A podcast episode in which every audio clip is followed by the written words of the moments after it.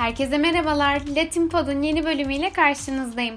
Bu bölümde size Güney Amerika kıtasındaki son gelişmeleri anlatacağım. Dilerseniz hiç vakit kaybetmeden sizin için hazırladığım konu başlıklarına göz atmaya başlayalım. İlk olarak Brezilya ile başlamak istiyorum ben. Malum şu an Brezilya hükümet karşıtı protestolarıyla çalkalanıyor. Yani sıkıntılı bir süreç var orada. Bir de bu sıkıntıların arasında silah mevzusu da girdi şimdi. Yani kısacası ülke bayağı karıştı. Peki nedir bu silah mevzusu? Şöyle ki Bolsonaro başkanlık seçimlerine hazırlanırken Amerika'daki gibi bir silahlanma kültürü söylemi de kampanya stratejisinin bir parçasıydı.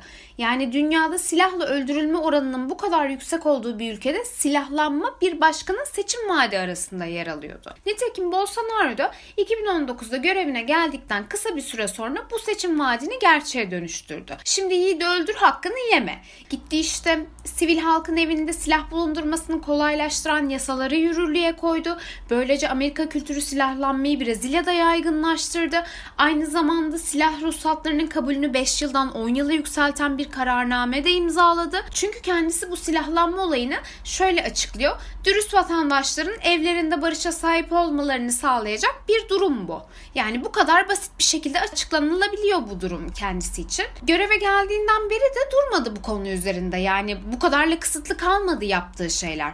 Mesela ruhsat verilebilecek silah sayısını arttırdı. Şu anda Brezilya'da 32'den fazla silah için kullanım ruhsatı veriliyor.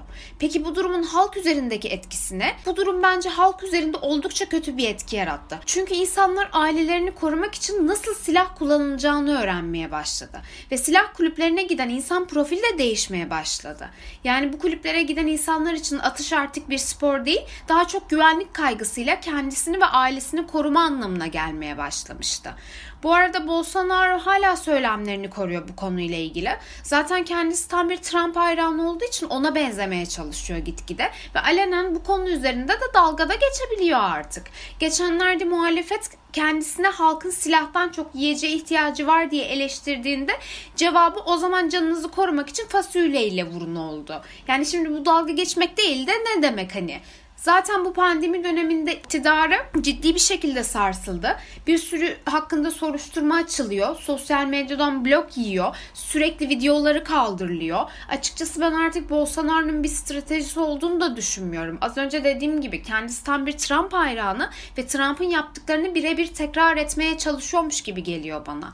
Seneye seçimlerde kaybettiğinde kongreye basan bir kitle görürsek Brezilya'da hiç şaşırmam doğrusu. Biraz da Küba'dan bahsetmek istiyorum. Biliyorsunuz protestolar da hala devam ediyor Küba'da ve artık Diaz hükümeti de muhalefeti baskılamaya başladı. Temmuz ayında zaten yüzlerce kişi tutuklanmıştı. Şimdi de izinsiz yapılan yürüyüşlere katılmaya çalışan sivil halk evlerinden bile çıkarılmıyor. Ama tabii ki Diaz hükümeti istediği kadar baskı yapsın, isterse güvenlik gücünü arttırsın, ne bileyim polis her demokrasi yanlısı vatandaşı hapse atsın. Halk için değişim vazgeçilmez bir duruma dönüştü artık Küba'da. Yani Temmuz ayından beri aynı şiddetle ve aynı istekle halk demokrasi ve özgürlük söylemlerine devam ediyor. 60 yıllık komünist rejiminin yarattığı hoşnutsuzluk ancak bu şekilde ifade edilebilirdi zaten. Bu arada bu protestolar artık halk için devrim niteliğinde. Bu yüzden kolay kolay bu protestoların duracağını da sanmıyorum Küba'da. Şimdi de biraz Peru'daki gelişmeleri aktarmak istiyorum size. Daha önceki bölümlerimizde söylediğim gibi zorlu bir seçim sürecinin sonunda Castillo yazın resmi olarak Peru başkanı oldu. Ve böylece Peru'da sol dalgası yükselmeye başladı Ekvador'un tersine. Solcu başkan Castillo'nun seçim vaatleri arasında istihdamın yükseltilmesi vardı hatırlatmak istiyorum size. Kendisi özellikle sağlık ve eğitim fonlarını arttırmak için başkanlık uçağını satışa çıkarttı geçtiğimiz haftalarda. Ayrıca kendisi kamu görevlilerinin birinci sınıf uçuşlar yapmasını da yasakladı. Fakat başkanlık uçağının satılmasında şöyle bir sorun var. Daha önce eski Peru Başkanı olan Garcia da bu uçağı satmaya çalışmıştı hem de iki kez. Ama başarısız oldu çünkü uçak mekanik olarak biraz eski. Bu yüzden de Castillo daha indirimli bir ücret üzerinden satışa sundu Boeing'i yani başkanlık uçağını. Umarım bu sefer başarılı bir şekilde satılır diyoruz. Ve Castillo gerçekten de uçağın satışından gelen geliri eğitime ve sağlığa yatırır. Çünkü biliyorsunuz Covid-19 nedeniyle Peru'nun sağlık sistemi bayağı kötüleşti ve hatta çökmenin eşiğinde. Yani yani Brezilya ile aynı durumda şu anda. Bu yüzden acilen toparlanması gerekiyor ve Peru halkı gerçekten Castillo'dan çok şey bekliyor. Hem eğitim konusunda hem sağlık konusunda hem ekonomi konusunda ne bileyim işte ekonominin içerisinde enflasyonu düşürmesi konusunda. Bu yüzden bu adım bu yaşlı Boeing'in satılması Castillo için bir ilk adımdır diyoruz ve başarılarının devamını diliyoruz tabii ki de. Son olarak da biraz Meksika'dan bahsetmek istiyorum.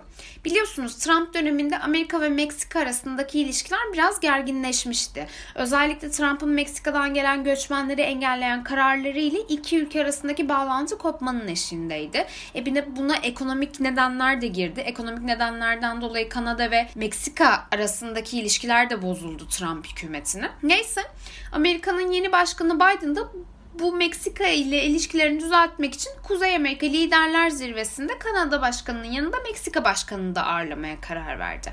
18 Kasım'da yapılacak olan bu zirvede Biden'ın amacı bu üç ülke arasındaki bağlantıyı yeniden teyit etmek.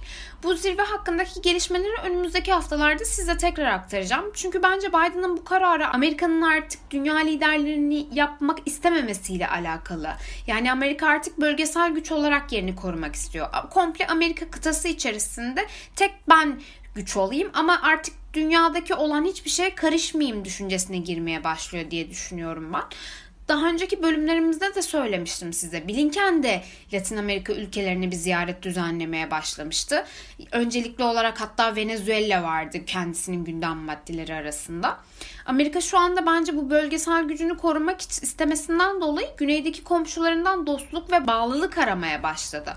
Bakalım önümüzdeki günlerde Amerika'nın stratejisi ve öncelikleri nasıl şekillenecek Güney Amerika üzerinde göreceğiz açıkçası. Merakla bekliyoruz. Evet, bu bölümde size aktarmak istediğim gelişmeler bu kadardı.